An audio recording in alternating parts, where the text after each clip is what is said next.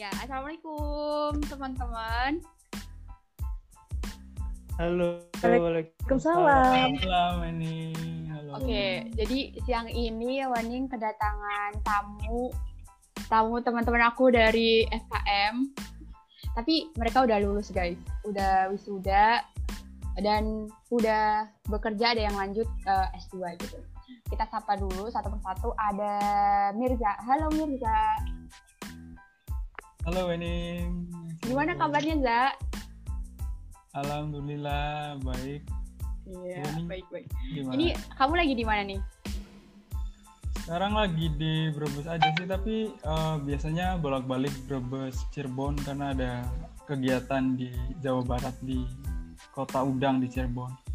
Oke, mantap, mantap. Tapi sehat ya ini ya? Alhamdulillah sehat. Mantap, mantap. Oke, kedua ada Yura. Halo Yur. Halo Wan. Gimana kabarnya? Sekarang lagi di mana? Oh, kalau kabar alhamdulillah luar biasa sukses. Mantap. Ini lagi di Cepu sih Wan. Oh, lagi cepu. Di lagi rumah di ya? Bro? rumah. Yuk. Oke. Eh, terus ini sekarang kan kamu S2 nih ya? S2 di mana dan Hmm. ambil apa nih? Sebenarnya bareng Mirza juga di Magister Kesehatan Lingkungan FKM Undip. Jadi mungkin kesibukannya itu sih sambil apa eh, riset-riset kecil sama ngurusi platform gitu Wan. Juga bareng Mirza sama Upi sih. Oke, mantap, mantap. Iya ya. Oke, yang ketiga ada Upi. Halo Upi. Halo Eni, Assalamualaikum. Waalaikumsalam warahmatullahi wabarakatuh. Upi gimana kabarnya? Ini kayak Upi itu eh, kalau aku lihat dari story WA tuh banyak main keyboard, terus main sama anak-anak. Kenapa nih, Pi? Alhamdulillah, iya nih gara-gara pandemi yang nggak nyangka banget aku bisa kerja. Tapi kerjanya bener-bener melenceng sih sebenarnya. Cuma ya nggak apa-apa lah daripada di rumah nganggur ya kan. Heeh. Tetap Kerja di mana nih? Melewati seleksi. Eh, aku sekarang tuh kerja jadi administratornya TK itu tuh lewat dinas pendidikan Wen. jadi aku seleksinya di dinas pendidikan non ASN non ASN gitu kan Hmm. terus eh, aku seleksi seleksinya beberapa tahap tapi alhamdulillah bisa lolos dan yang diambil juga penempatannya tuh beda-beda aku kebetulan masih di Semarang dan di kecamatannya tuh jauh gitu sama rumahku Oh, eh, berarti terus kalau kamu mainan sama anak kecil iya Hmm, oke oke. Berarti aslinya kamu emang orang Semarang ya? Heeh, aku Semarang asli Bani Mantap, mantap. dari TK sampai kerja aku di Semarang terus nggak pernah merantau nggak tahu besok kalau nikah gimana Nanti dap- nanti dapat jodohnya Jodohnya orang luar ya. Orang nggak tahu berjawa. Amin amin. Nah, eh, jadi guys ini tuh kita eh, kenapa Wening tuh langsung mendatangkan tiga tiga teman Wening tuh karena eh, Mirza, Upi dan Yura ini eh, apa tergabung dalam satu platform ya ini Mr. Enviro gitu. Jadi nanti kita bisa bahas lebih detail ya Yur. Eh, Mr. Enviro itu seperti apa? Boleh.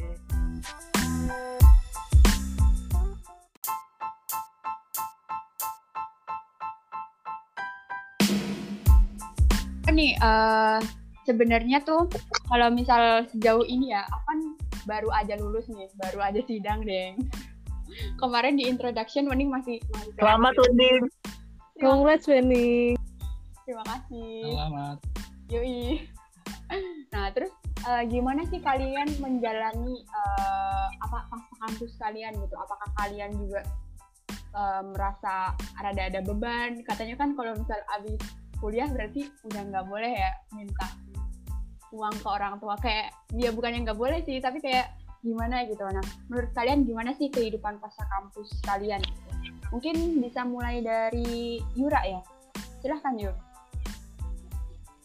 oh dari aku Eh, kalau kehidupan pasca kampus sebenarnya ini sih ada satu hal yang uh, disesali gitu setelah pasca kampus yaitu ini sih pengalaman sih lebih. Jadi kayak selama kuliah itu kalau kita nggak ngapa-ngapain kita nggak ada do something lah atau melakukan hal-hal apa pun yang memang meninggalkan jejak gitu atau yang uh, belum kita lakukan gitu. Jadi kalau setelah pasca kampus tuh akan susah dicari gitu. Dan nggak akan ada tempat atau wadahnya untuk mengembangkan itu sih Wen.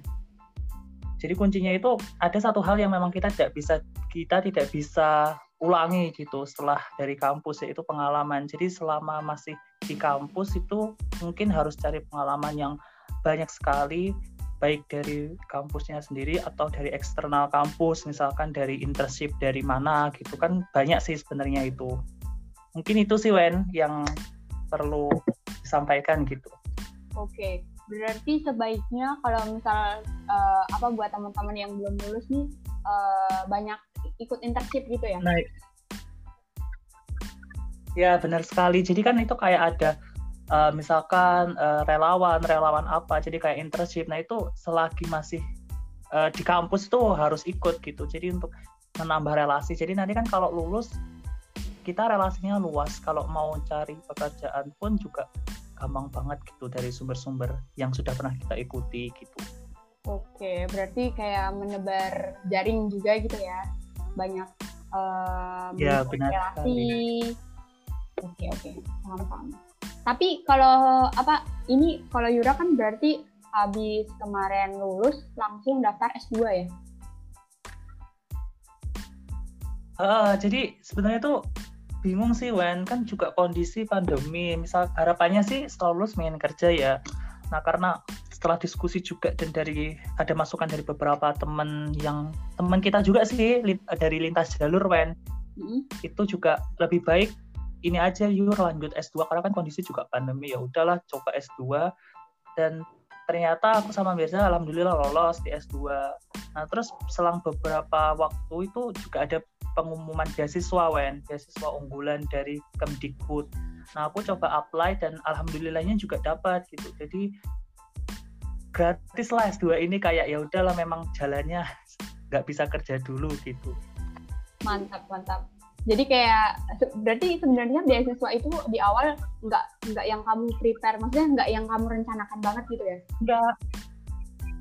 Iya benar jadi kayak ya kayak datang aja gitu. Kayak Allah itu um, sudah menggiring ini S2 dulu aja ini tak kasih beasiswa kayak gitu loh. Jadi kayak semua itu nggak nggak di preparation dari aku nggak ada persiapan gitu. Tapi alhamdulillahnya juga bisa terselesaikan dengan lancar gitu sih.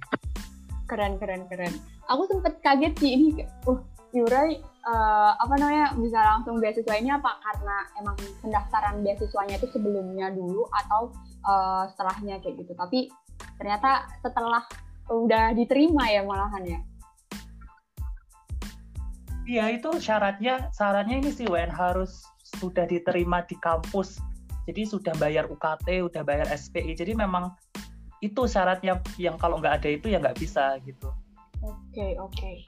mantap mantap oke okay, uh, mending next dulu ya ke Mirza Ya, kamu gimana Za pasca kampusnya nih? Kayaknya kamu dari sebenarnya dari skripsi ya, dari skripsi itu kayaknya sama Yura, terus, terus akhirnya S2-nya juga sama Yura nih. Apakah emang direncanakan atau gimana nih? Juga, juga itu uh, apa untuk kehidupan pasca kampus uh, perskripsian juga di luar ekspektasi. Sebenarnya saya juga kan awalnya target untuk wisuda uh, Oktober. Cuma karena ada pandemi uh, dan mendapatkan dosbinya alhamdulillah uh, seperti Ibu Perdi jadi bisa lebih cepat Wen. Alhamdulillah apa sih kamu kemarin dapat skripsinya apa?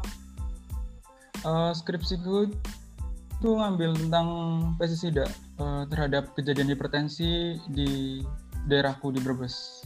Oke, okay.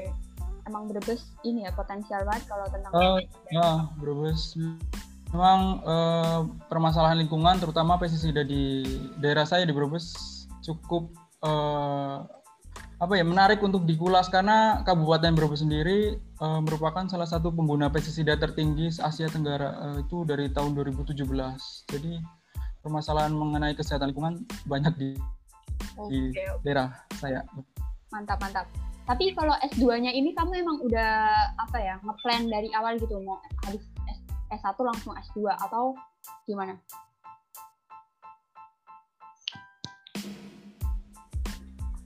Uh, untuk uh, masuk di tahun ini itu tidak atau tidak ya di luar ekspektasi enggak awalnya memang mau uh, masuk S2 itu setelah setahun bekerja tetapi uh, dengan berbagai macam pertimbangan uh, saya ngobrol dengan orang tua dengan keluarga dan orang tua sangat mensupport uh, untuk langsung ke S2 ya udah.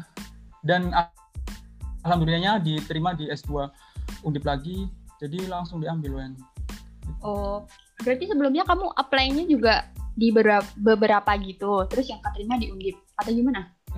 Ya sebenarnya ini apa namanya awal untuk memilih S2 itu bukan di Undip, uh, itu keinginan kedua orang tua saya karena biar apa istilahnya satu jalur lah uh, satunya gitu. di Undip, uh, S2-nya Undip karena biar langsung uh, kenal sama dosennya. Kalau pribadi saya sendiri pengennya sebenarnya di MKL UNER atau enggak di UI itu ngambil S1, eh, S2 kesehatan masyarakatnya dengan peminatan kesehatan lingkungan. Tapi uh, orang tua lebih mensupport atau lebih mendukung ke Undip dan alhamdulillahnya keterima di Undip lebih dulu karena di MKL UNER sudah ditutup. Ya sudah alhamdulillah memang jalannya disuruh di Undip. Oke, berarti ini kalau S2 itu biasanya ada berapa semester sih? Untuk S2 sendiri sebenarnya dari FKM Undip ini ada, ada uh, peraturan baru itu bisa lulus cepat itu tiga semester atau satu setengah tahun. Hmm. Tapi ya paling cepat-cepatnya kata kemarin uh, dari petinggi di S2 MKL cepet-cepetnya memang dua tahun lah atau empat semester tapi bisa tiga semester tapi itu tidak mungkin karena uh, apa ya ada saat beberapa mata kuliah yang harus dikejar dulu Wen. Hmm, paham paham. Kayak S1 juga ya, S1 FKM kan juga iya. gitu. Iya, paket juga. Oke. Ini uh, Wendy lanjut ya ke Upi. Halo Upi. Upi, kalau Upi gimana nih okay. pasca kampusnya terus kerja kan beda nih dari teman-teman yang tadi ada Mirza sama Yura kan langsung lanjut kuliah. Kalau Upi sebenarnya gimana awalnya? Nah, kalau pas pas ke kampus banget tuh aku emang shock sih karena gimana ya ini harus terus dijalani kita juga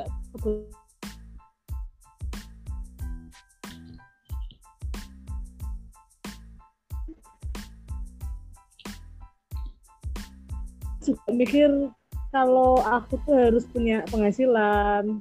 Terus aku juga apply apply jujur aku juga apply waktu itu tuh di tempat bursa gitu kan bursa saham di PT Rifan Finansindo tapi aku ya udahlah mungkin emang nggak mau melanjutkan aja karena satu dan lain hal. Akhirnya ada seleksi non ASN meskipun itu di dinas pendidikan ya udah aku ambil aja. Karena aku juga uh, ngerasa aku bisa lah untuk informasi itu gitu loh itu sih Wen awal tripnya so far ini emang kamu uh, apa ya punya apa ya di awal itu juga melihat peluang bahwa ini nanti uh, kerjanya juga sama anak-anak gitu nggak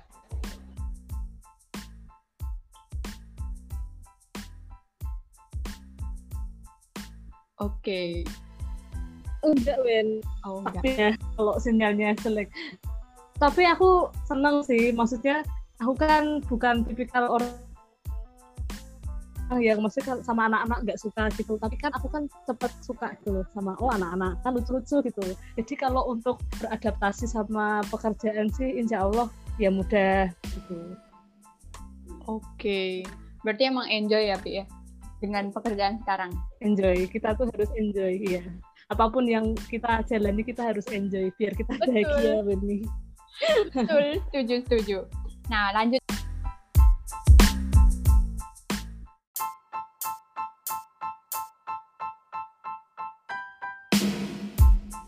nih ke topik kedua nih. Jadi uh, setahu aku ya banyak dari teman-teman tuh yang kayak kadang cerita ke aku kalau misal uh, abis kuliah atau makin kita gede nih Wen, kayaknya pertemanan kita tuh makin runcing gak sih kayak makin dikit aja. Waktu kita kuliah tuh banyak banget temennya, bahkan ke sana ke sini, bahkan uh, sampai malam-malam pun juga nggak apa-apa gitu nongkrong sama teman-teman. Tapi uh, setelah kuliah ini makin sedikit uh, teman-teman yang apa ya deket lagi sama kita gitu atau masih membangun apa ya bangun saling nanyain kabar kayak kayak gitu tuh uh, sekarang udah udah semakin dikit gitu kalau menurut Yura gimana nih bener gak kayak gitu Jur? Uh, kalau aku sebenarnya gini sih orang itu tinggal mau membuka atau enggak gitu komunikasi. Nah, kalau aku sih sama teman-temanku yang selama ini ya kayak Mirza, Upi, kita masih intens ngobrol sih. Tapi ada satu orang yang memang dulu dekat, tapi setelah lulus tuh uh, apa kayak nggak deket lagi gitu, yang jarang ngasih kabar atau jarang sekedar gitu sih. Tinggal kita dari diri kita misalkan nih kita mau membuka komunikasi lagi atau enggak atau membatasi gitu tergantung pada masing-masing individu sih. Kalau memang oh. dia masih membuka ya kita masih bisa berkomunikasi. Sebenarnya banyak kok kayak Wening juga aku sama Wening kan juga masih kadang reply story di Instagram terus sama teman-teman yang lain tuh juga masih ada gitu. Tapi ada yang memang terseleksi dengan alam gitu loh Wen jadi tiba-tiba menghilang gitu. Oke okay, oke. Okay. Kayak nggak bisa ngapa-ngapain lagi gitu. Oh last last kontak gitu ya kayak bener-bener oh ya udah nggak nggak nggak cecetan lagi gitu ya.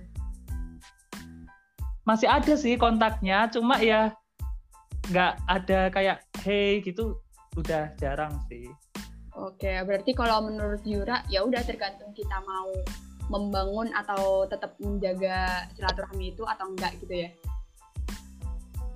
Hmm, benar sekali. Kalau dari Upi gimana Pi? Upi kan uh, setahu aku ya dulu kalau misalnya di confident tuh Upi uh, salah satu yang tertenar nih. Gimana Pi? enggak, enggak tenar Ren. Aku tuh sebenarnya sadar kita tuh berteman, kita juga punya jangka gitu loh. Kenapa sih waktu kuliah tuh emang harus dimanfaatin banget buat cari teman? Dan kita tuh harus ya kalau bisa di usahakan tuh deket sama semua gitu loh Wen ya kan? Karena ya nantinya kita lulus ya udah gitu-gitu aja. Kita bakalan ke filter kan oh teman ini nih yang bener sering ngubungin oh teman ini yang cuman butuh cuman datang pas butuh doang. Oh ternyata dia yang sering ngejelek-jelekin misalnya kayak gitu.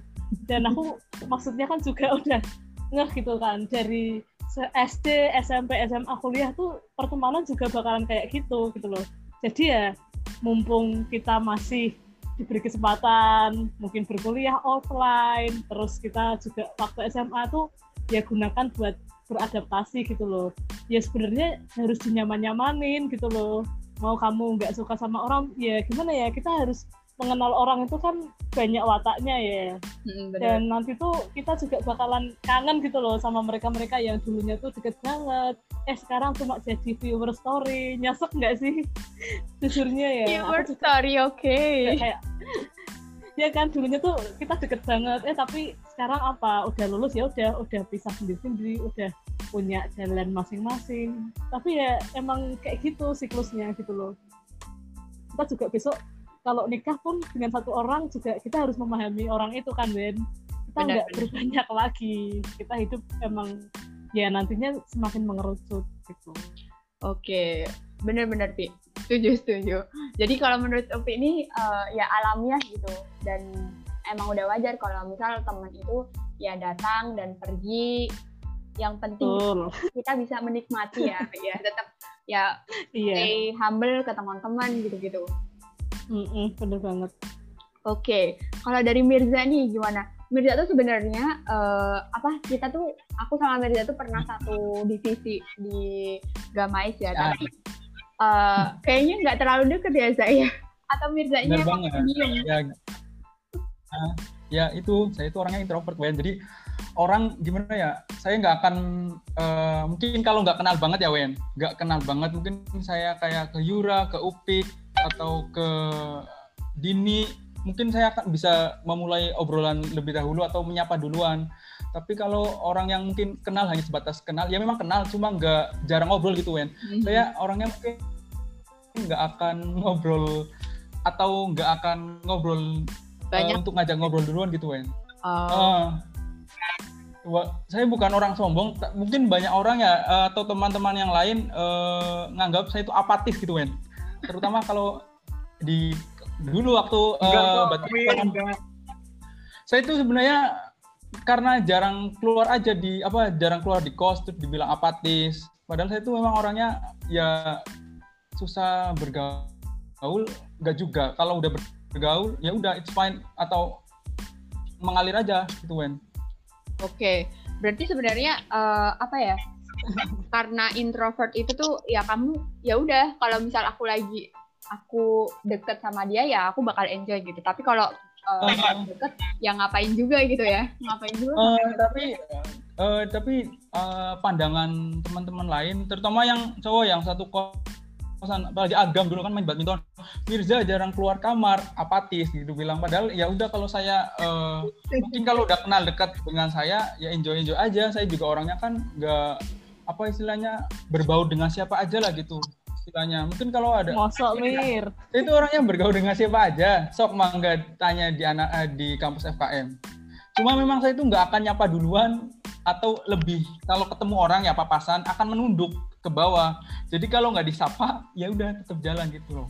Mungkin kekurangan saya di situ untuk masalah uh, pertemanan karena saya kan orangnya nggak milih-milih teman dalam artian ya udah saya uh, membaur dengan siapa aja kecuali ada orang yang membuat masalah dengan saya saya auto akan uh, ya udah nggak usah uh, saya nggak akan deketin dia lagi gitu Wen. Jadi untuk masalah frekuensi pertemanan se setelah kuliah menurut saya nggak ada bedanya sih Wen. Istilahnya ya dari masa SMA masa kuliah kan yang namanya uh, setiap pertemuan pasti ada perpisahan. Betul betul. Iya udah dijalanin aja. Namanya ya itu udah seleksi alam juga. Oke. Okay. berarti sebenarnya ya ya udah emang biasanya juga gitu kali ya Oke, okay. uh, eh, mungkin tadi rada berat juga ya karena uh, apa masalah pertemanan itu memang uh, tergantung orang tipe orang juga gitu. Ada yang enjoy dengan uh, pertemanan dikit yang tapi kualitasnya katanya ya kualitasnya bagus atau uh, intens kayak gitu. Ada juga yang ya udah nggak apa-apa biarin aja gitu. Kalau misal ada yang uh, apa butuh aku atau berteman dengan aku ya pasti nanti tetap jalan uh, komunikasinya kayak gitu. Oke, okay, uh, lanjut nih, lanjut lanjut lanjut.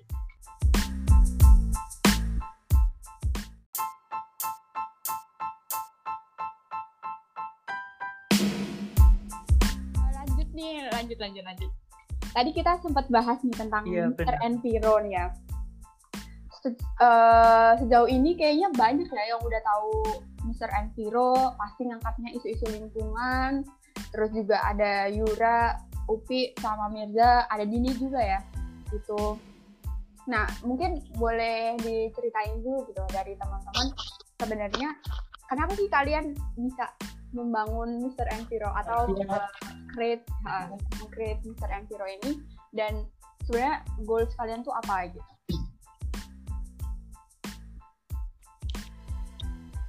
Mungkin dari Pak Founder.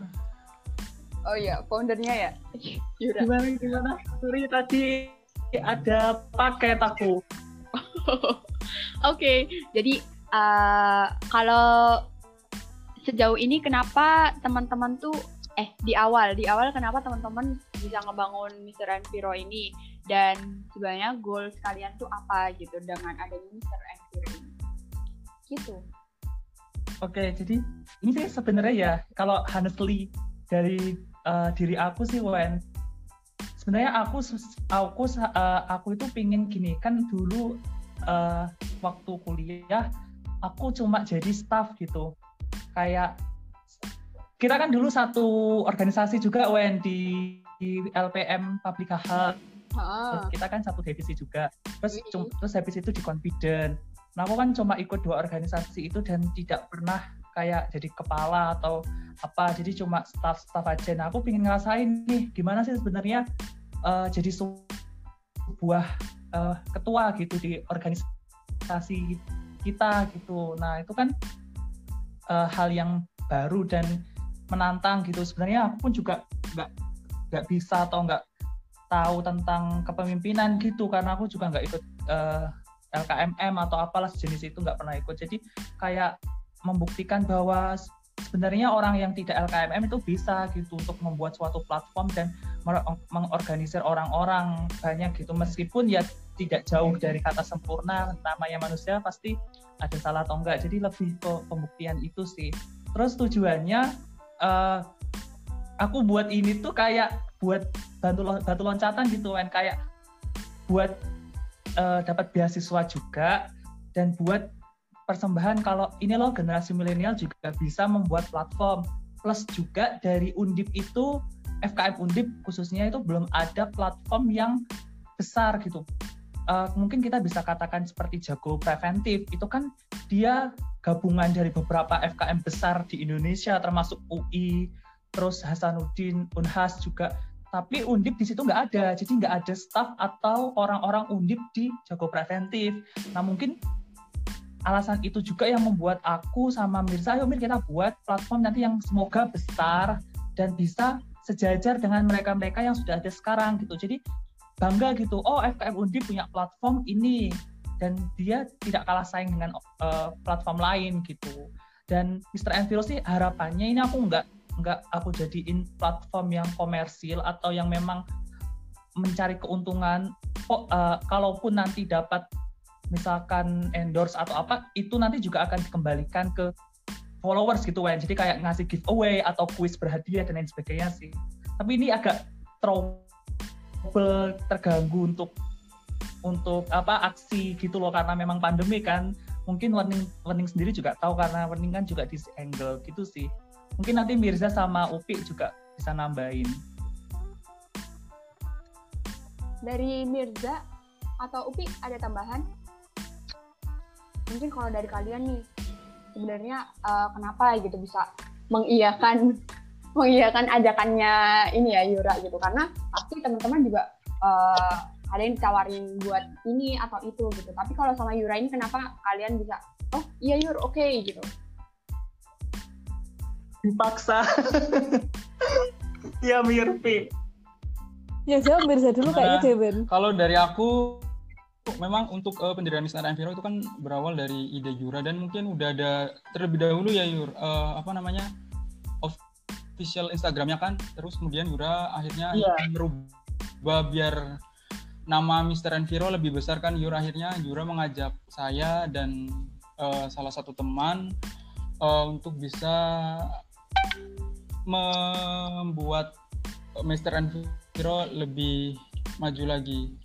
Untuk mengapa saya mau bergabung ya karena melihat situasi dan sikon atau situasi dan kondisi sekarang saya lagi eh, sama-sama kuliah juga dengan Yura dan masih sat- eh, saling kontak. Jadi mungkin eh, ya udah lebih memudahkan juga eh, kenapa tidak kalau ingin membangun sebuah platform eh, yang bergerak di bidang yang kita tekuni selama kita kuliah.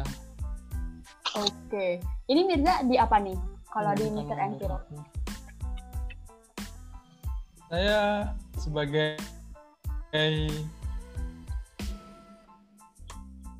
direktur eh ada nggak sih direktur co-founder katanya. oh co-founder co-founder Oke oke Co-founder. mantap mantap. Oh berarti foundernya Yura, co-foundernya Mirza. Oke dari Upi gimana Pi? Hai Bening. Jadi buat gabung di Mr. Enviro, aku juga bener-bener waktu itu mepet sih. Aku langsung ditarik Yura buat jadi direknya di Departemen Relation dan aku yain aja sih soalnya kan ya udahlah aku lihat proker-prokernya kita cocok terus eh, ada anak-anaknya kayaknya juga bisa diajak kerjasama dan emang niat kita buat nyari tokoh-tokoh yang nantinya tuh bisa ngasih kesan yang baik terus jadi followersnya nambah kita kan kalau misalnya nih Wening kan juga udah pernah ya jadi testimoninya dimasukin di kata sahabat apa kata mereka jadi tuh kalau dapat tokoh-tokoh yang pastinya berkualitas nanti uh, followersnya juga bakal meningkat gitu loh jadi Mr. Enviro juga followers banyak, followersnya itu juga jadi bertambah ilmu karena membaca postingan-postingan di Mr. Enviro gitu Wening. Mantap, mantap. Iya. Jadi uh, teman-teman kita ternyata keren-keren banget ya. Apa pokoknya kalau sama kebaikan tuh cepet gitu ya. Oke oke oke gitu. Nggak pikir panjang gitu. Alhamdulillah.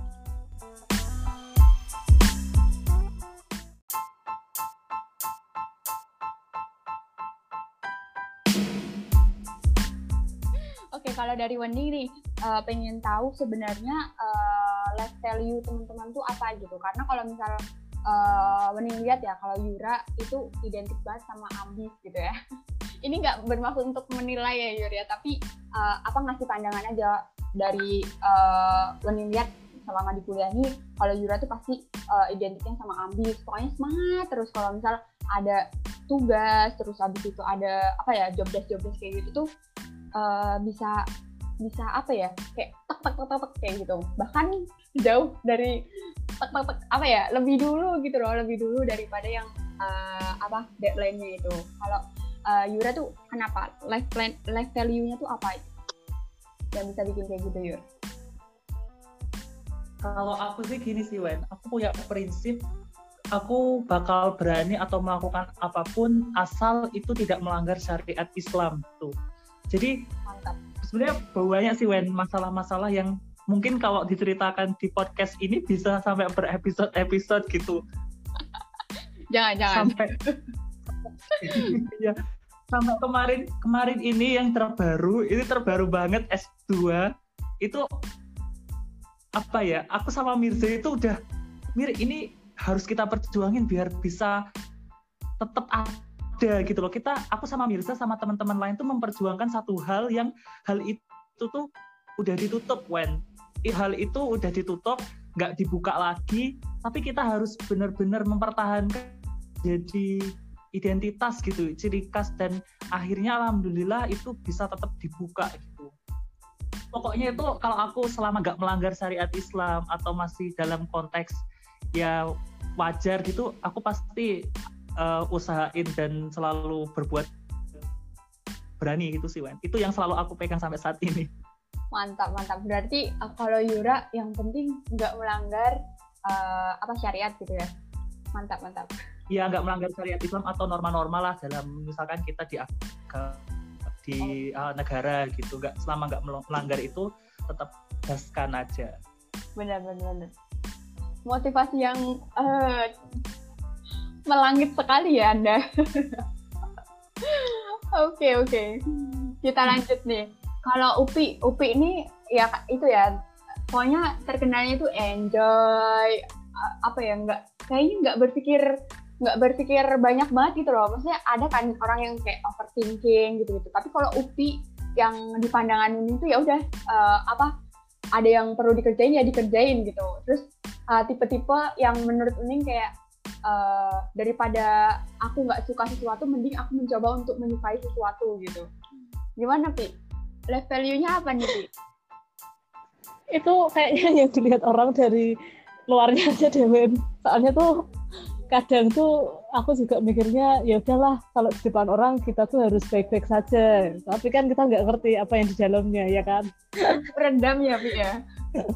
Nggak nggak. Jadi tuh kadang ada masalah atau sesuatu hal tuh yang kita tuh ya harus ngekip itu sendiri atau enggak kita emang butuh tempat cerita buat orang yang emang dirasa itu tepat gitu loh Ben karena nggak semua orang itu suka sama kita Benar. orang yang di depannya jatuh suka sama kita kadang ngegrundel di belakang gimana oh, sama iya. yang sebenarnya nggak suka gitu loh ya kan jadi tuh kalau masalah enjoy ya itu emang uh, bawaan aja sih maksudnya ya emang harus kayak gitu gitu loh. Kadang juga kita kalau punya masalah ya gimana ya mau cerita juga mau lihat-lihat dulu siapa yang bisa nenangin kita. Jangan-jangan kita cerita nanti malah yang didapat solusi malah masalah baru kan nggak bagus juga.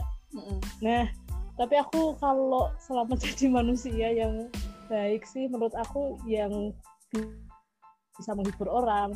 Maksudnya jahil-jahil dikit nggak apa-apa lah asalkan orang itu ya nggak terlalu tersinggung gitu loh. Maksudnya kan kita bercanda juga kadang kita harus tahu batasan gitu ya Wen. Bener-bener kalau kita bercanda juga harus yang positif-positif aja lah gitu. Nggak yang kayak meme gitu. ya. iya. Aku jadi kangen meme konve nih. Ini kayak kayak ganti-ganti cover ini loh, cover film terus diganti Oh, iya. teman-teman itu hobi OP banget sumpah. iya bener-bener. Itu nggak Dikasih akan laki-laki terlupakan. Sama pak iya men ya, itu mood booster bener-bener mood booster banget. Kamu kalau stres coba aja deh ngedit-ngedit mukamu sama siapa gitu. Pokoknya tuh kamu harus berkreatif gitu. Kalau aku lagi stres gitu Wen. Dan kalau emang overthinking ya Wen. Ini menurutku overthinking tuh sebenarnya orang mikir overthinking bi- bisa bikin stres gitu ya. Karena dia terlalu memikirkan banyak hal dan bla bla bla blanya terus kita pusing lah apa tapi sebenarnya overthinking tuh juga bisa jadi positif. Karena kalau kita overthinking tuh ya kita tuh pasti punya pemikiran A B C D tapi kita juga jadi bisa mawas diri gitu loh. Oh seandainya ini terjadi aku bisa gini. Oh seandainya ini terjadi aku punya solusi A B C D juga. Jadi overthinking tuh nggak selamanya buruk gitu loh menurut aku. Kekurangan itu bisa jadi kelebihan jadi overthinking nggak selamanya buruk gitu sih Wen. Betul. Ya bener-bener. Berarti overthinking itu bisa menilai resiko ya. Mm-mm, kita jadi punya solusi nih oh ya seandainya aku gini gimana ya jadi kayak tersusun plan jadi ibaratnya kalau kita tuh udah tahu kenyataan terus kita sakit hati nih ya sakit hati itu bisa tertangkal di sebelum hari itu gitu loh Oh iya. gitu Menurut aku gitu Setuju, setuju, setuju. Berarti sebenarnya kalau misal overthinking ditindaklanjuti, maksudnya kayak overthinking yang eh, masih nggak sebatas khawatir aja, tapi kita lanjut ke step selanjutnya untuk eh, plan apa aja sih yang bisa kita lakukan kalau misal ini terjadi kayak gitu ya, Pi ya. Heeh, bener banget tapi ya jangan terus semuanya di overthinkingin sih cuma emang ada sisi baiknya segala sesuatu pasti ada sisi baiknya Emang Upi, eh mantap mantap Pi. Pi. Jangan lupa aku adalah orang yang jahil ya. aku nggak bakalan berhenti sih ngedit-ngedit. Yang bikin aku seneng pasti aku lakuin kok. Bener-bener. Selama nggak- Yura, asal nggak nggak ngelanggar gitu aja. Betul. Kalau Mirza gimana nih, Za? Mirza ini sebenarnya kalau misal aku lihat eh, walaupun tadi introvert ya, tapi kayak progresnya tuh juga apa ya meyakinkan gitu loh maksudnya ya udah tiba-tiba udah lulus tiba-tiba S2 lah tiba-tiba kaya tiba-tiba tiba-tiba sukses ya Yuri eh ya Mirza ya Gimana? Kalau eh, prinsip saya sendiri gini, Wen. Maksudnya mungkin eh, dari apa ya? Mm-mm. Karena sudah terbiasa ya. Saya itu orangnya sudah terbiasa dari eh, mungkin dari SD kelas 5. Berawal dari berat badan saya sebenarnya. Saya itu prinsip punya prinsip lebih baik saya yang menanggung atau mengkip kayak tadi Upik. Maksudnya saya mengkip segala permasalahan yang saya punya karena ya karena jiwa saya juga jiwa introvert tetapi di luar eh, apa sebisa mungkin bisa membuat orang lain bahagia atau tertawa mungkin kan mungkin kalau yang sudah kenal dekat dengan saya kalau ngobrol kan mungkin saya ngelucu gitu tapi kan orang nggak tahu apa eh, di dalam diri saya itu lagi banyak problem atau apa. Jadi mungkin berawal dari SD ya dari SD karena berawal dari bulian dulu ya karena bukan iya bully bukan bully ya bahasanya mungkin karena SD kan masih ngejek-ngejek dasar oh iya gendut atau benar gitu. Ya mungkin jadi terbawa sampai sekarang. Kalau ada omongan itu ya udah walaupun sakit akan saya keep. Tapi kan sebisa mungkin saya akan menebar apa ya senyum walaupun sebenarnya itu sakit gitu. Tapi ya udah tapi akan apa ya istilahnya mengalir saja. Nggak nggak itu sakit tetapi nggak dibawa apa ya istilahnya dimaafkan lah gitu. Bukan kayak saya yang bukan dendam gitu gitu. ya. Eh, Oke oke. Hmm, Berarti rata-rata eh tapi eh, dari kelas 5 SD wah Pemikirannya udah dewasa banget ya. maksudnya dari ya dari kelas 5 mungkin awali dari kelas 5 SD saya kan memang untuk eh, apa bukan bulian itu namanya kalau ngejek dasar gendut gini apa gede awalnya gede paling besar sendiri dari saya SMP juga masih besar SMA besar kuliah juga seberapa semester besar. Akhirnya saya mau eh, apa eh, kayaknya sudah stop eh, saya pengen berubah menjadi Mirza yang baru. Dalam artian ya memang perawakan atau tubuh saya memang dilahirkan memang berbadannya gede cuma kan se- seenggaknya tidak sebesar yang waktu paling over itu memang serat eh, pada semester 5 itu sampai mencapai 110 kg dan itu mulai stuck untuk berubah. Oh, berarti kamu ada juga sih yang pernah eh, khawatir juga ya, Zak ya? Maksudnya kayak eh, nanti kalau misalnya di terus terusin kayak kayak gini, bisa aja orang-orang juga bakal ngomongin lagi gitu kan?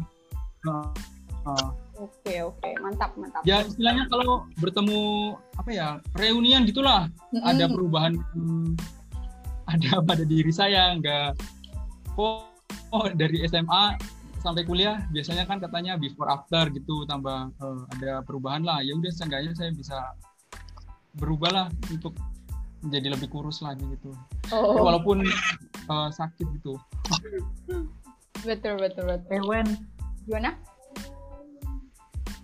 BTW kalau ngomongin bullying ya, itu aku juga sama sih kayak Mirza.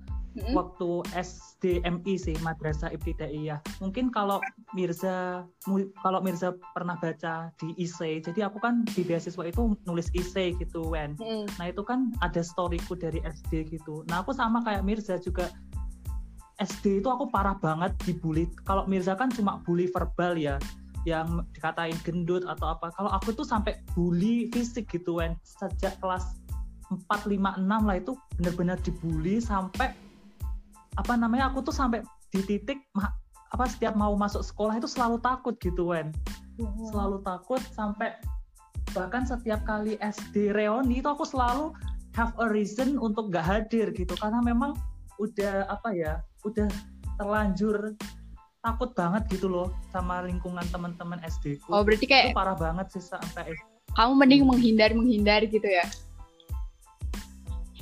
Heeh, tapi dari bulian itu dari bulian itu lama kelamaan bisa jadi buat pembelajaran aku gitu loh. Jadi orang yang dulu dibully takutan sampai SMP SMA sampai SMA itu berani pertama kali untuk lomba debat yang dulunya aku dibully sampai pokoknya parah banget lah. Itu membuat diri aku jadi apa ya berevolusi lebih baik gitu sampai berani mungkin Wening juga tahu kalau mungkin sampai sekarang aku aktif atau itu itu juga dari efek salah satu efek aku dari SD gitu dibully. Jadi mungkin nanti setelah ini aku share ke teman-temanku ke media sosialku podcast ini aku share gitu. Jadi biar mereka tahu orang yang dulu dibully eh, dari SD itu sekarang sudah jadi yang lebih berani gitu.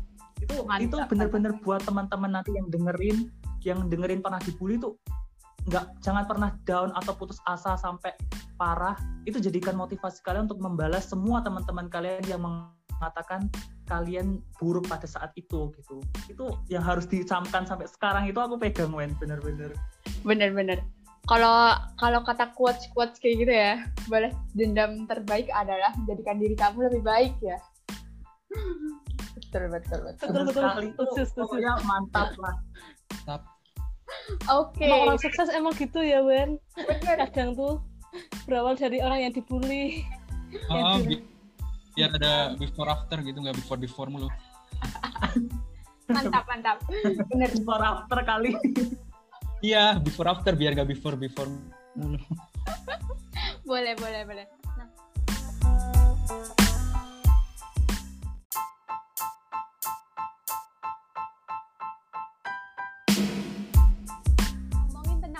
Nih, kalau eh, sebenarnya kalau dari kalian bertiga arti sukses itu seperti apa sih gitu?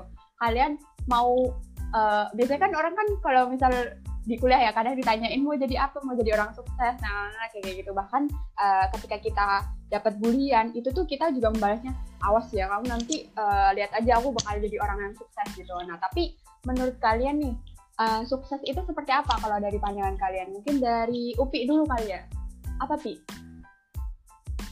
Iya Ben, kamu tanya arti sukses ya. Mm-mm. Menurut aku gimana? Mm-mm. Sukses gimana ya sukses itu bisa diawali dari rasa syukur kita Wen jadi nggak bisa diukur apakah kita tuh udah di puncak kekayaan kita apakah kita udah merasa keberhasilan kita udah tercapai semuanya tapi kesuksesan itu juga terbentuk dari bagaimana kita bersyukur terus bagaimana juga kita bisa menerima konaah gitu kan.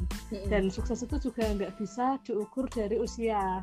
Jadi kalau kita muda tapi kita udah sukses itu juga kita kan alhamdulillah gitu ya nggak perlu harus menunggu kita beberapa tahun lagi.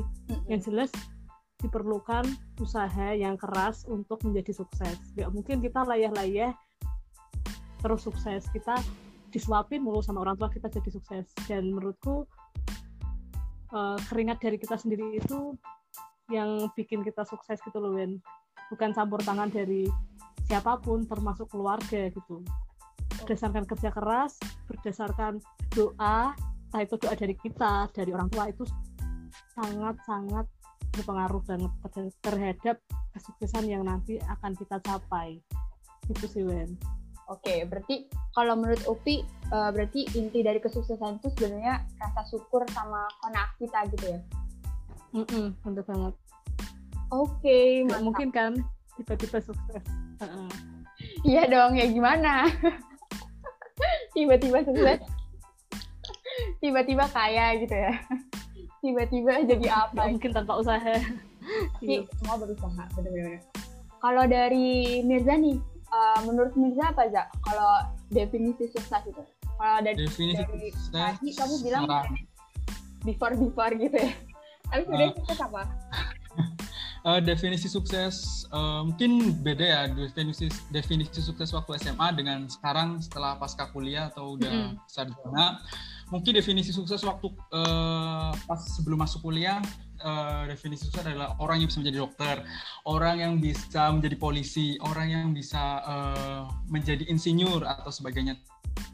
Tetapi mungkin eh, semakin bertambah usia mungkin dimulai dari semester 7 8 lah udah eh, masa-masa mau transisi ke skripsi harus mikir.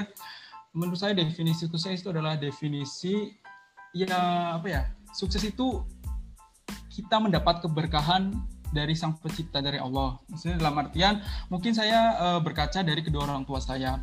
Orang tua saya hanya seorang PNS, tapi alhamdulillah segala kebutuhan kedua anaknya mungkin lebih dari cukup bahkan ya lebih dari cukup. Jadi menurut saya mungkin eh, kesuksesan kedua orang tua saya itu be- dari keberkahan hidup kan. Jadi menurut saya sukses adalah orang yang ya tadi kayak Upik eh, bilang orang yang mau menerima, orang yang mau bersyukur walaupun eh, orang apa ya kita maupun kedua orang tua kita bukan orang kaya, tetapi kalau kita bisa eh apa ya istilahnya harta kita bukan harta ya apa ya namanya segala ya penghasilan kita bisa digunakan sebaik mungkin.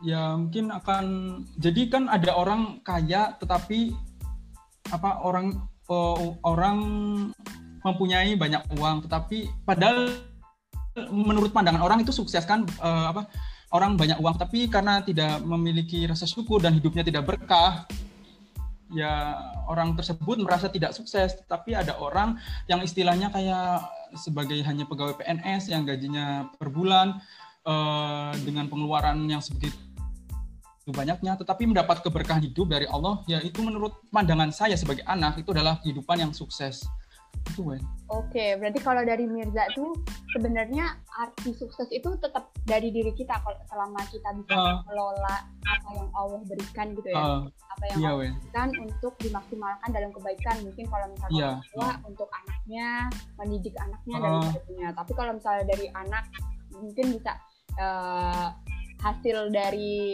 mungkin bentuknya kalau materi ya itu bisa Iya. dimakan dan lain sebagainya terus Ah. juga cukup untuk menghidupi dirinya untuk membahagiakan kedua orang tuanya itu berarti uh, sukses gitu ya Za?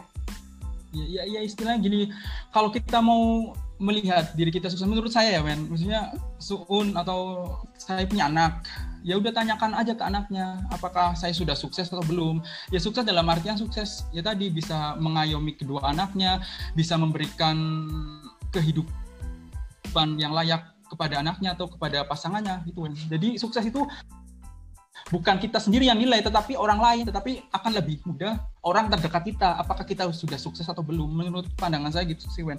Jadi nggak terukur dari harta misalnya orang yang punya triliunan belum tentu itu sukses gitu Wen. Oke get it get it oke okay, mantep ya saya aku jadi dapat insight juga gitu berarti kalau mengukur sukses boleh juga untuk preferensinya untuk ditanyakan itu menurut saya gitu. apakah uh, apa yang kita upayakan itu udah ngasih dampak belum sih ke mereka gitu dan apakah kita uh, apa ya sudah cukup mampu untuk membahagiakan mereka kalau misal itu orang tua atau pasangan iya, gitu ya. Oke, okay, lanjut ke Yura. Kalau Yura apa nih Yur? Uh, definisi sukses menurut kamu? Oke, kalau aku gini, kalau dulu kan mungkin uh, aku sih terutama dulu aku mendefinisikan sukses itu kalau kita punya uh, banyak uang, banyak harta, rumah mewah dan lain sebagainya. Tapi seiring bertambahnya usia sampai sekarang, aku mendefinisikan sukses itu ya uang penting, yang penting berkah gitu, uh, sama yang dikatakan Mirza gitu. Berapapun gaji, berapapun uh, pendapatan yang kita terima itu cukup dan bisa menghidupi uh, kita dan keluarga kita nanti. Gitu. Nah sekarang aku punya uh, ukuran sukses gitu gini kita bisa kita melakukan hal baik dan itu berhasil itu yang aku katakan sukses hal baik kecil apa pun itu kalau kita bisa uh, melaksanakan dengan baik itu sukses kalau aku. Kayak ini misalkan aku juga lagi memperjuangkan teman-teman nih yang dari kesehatan lingkungan. Kan Wening juga tahu sendiri mungkin uh, kalau FKM kesehatan masyarakat itu nggak ada STR STR kita dibekukan kita tidak dianggap sebagai tenaga kesehatan. Jadi kita terpontang-panting lah masuk ke mana gitu. Nah itu aku lagi memperjuangkan ke Pak Wakil Dekan juga melobi Pak kita sebenarnya juga ada STR baru STR kesehatan lingkungan gitu. Nah mungkin nanti fakultas bisa memfasilitasi untuk ujian kompetensi sampai kita terbit STR kesling dan kita bisa jelas dalam berkarir. Itu yang masih aku uh, perjuangan sampai saat ini. Semoga itu bisa jadi sukses eh, bisa berhasil dan bisa membantu teman-teman yang lain gitu. Karena kita kita berbuat baik dan kita di nggak nggak perlu diingat lah kita berbuat baik itu nggak nggak nggak diminta untuk mengingat tapi ya biarlah itu jadi sejarah sendiri gitu.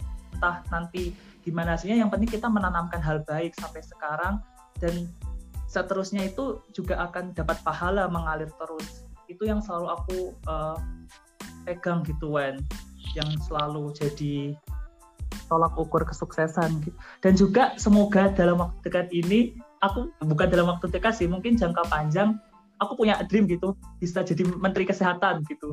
Atau jadi dokter muda dulu terus jadi menteri kesehatan. Karena pandemi itu mending mungkin anak kesehatan masyarakat jengkel gitu loh. Pandemi ini tuh banyak banget kebijakan dari awal yang memang menyengsarakan sampai imbasnya itu kita benar-benar sampai putus asa, frustasi sampai nggak mau nggak ngerti lagi mau gimanain gitu loh. Karena kebijakan yang nggak baik gitu. Nah mungkin itu yang jadi dream aku. Semoga nanti ke depannya aku bisa bermanfaat untuk orang banyak dan bisa menjadi menteri amin. kesehatan. Itu sih, amin, amin, amin. Kamu mau mungkin klise ya. Menteri Kesehatan tahun berapa, periode berapa? Soalnya udah ada yang pengen juga nih. Uh, mungkin ini sih seangkatan sama Jerome Pauline lah, sama Jerome Pauline. Nanti Jerome Pauline Menteri Pendidikan, aku jadi Menteri Kesehatan, terus UPI, Wening. Wening sih harus ya, harus jadi aktivis. Pokoknya Wening aku tunggu karirnya, Wening harus jadi aktivis, harus jadi pokoknya hal orang yang berguna bagi bangsa dan negara. amin, amin, amin ya uh, mending doakan ya semoga Menteri Kesehatan ini uh, selalu sehat dan teman-teman juga teman-teman semua sehat terus juga uh, bisa mencapai tadi ya definisi kesuksesan gitu entah nanti uh, apa ya hasil akhirnya seperti apa yang penting kita memperjuangkan definisi sukses itu sendiri Uh, dan tentu seperti yang teman-teman bilang tadi bahwa kita tidak hidup sendiri, kita punya lingkungan sekitar yang uh, bisa kita perjuangkan atau uh, bisa kasih diberi apa ya manfaat dari kehadiran kita gitu.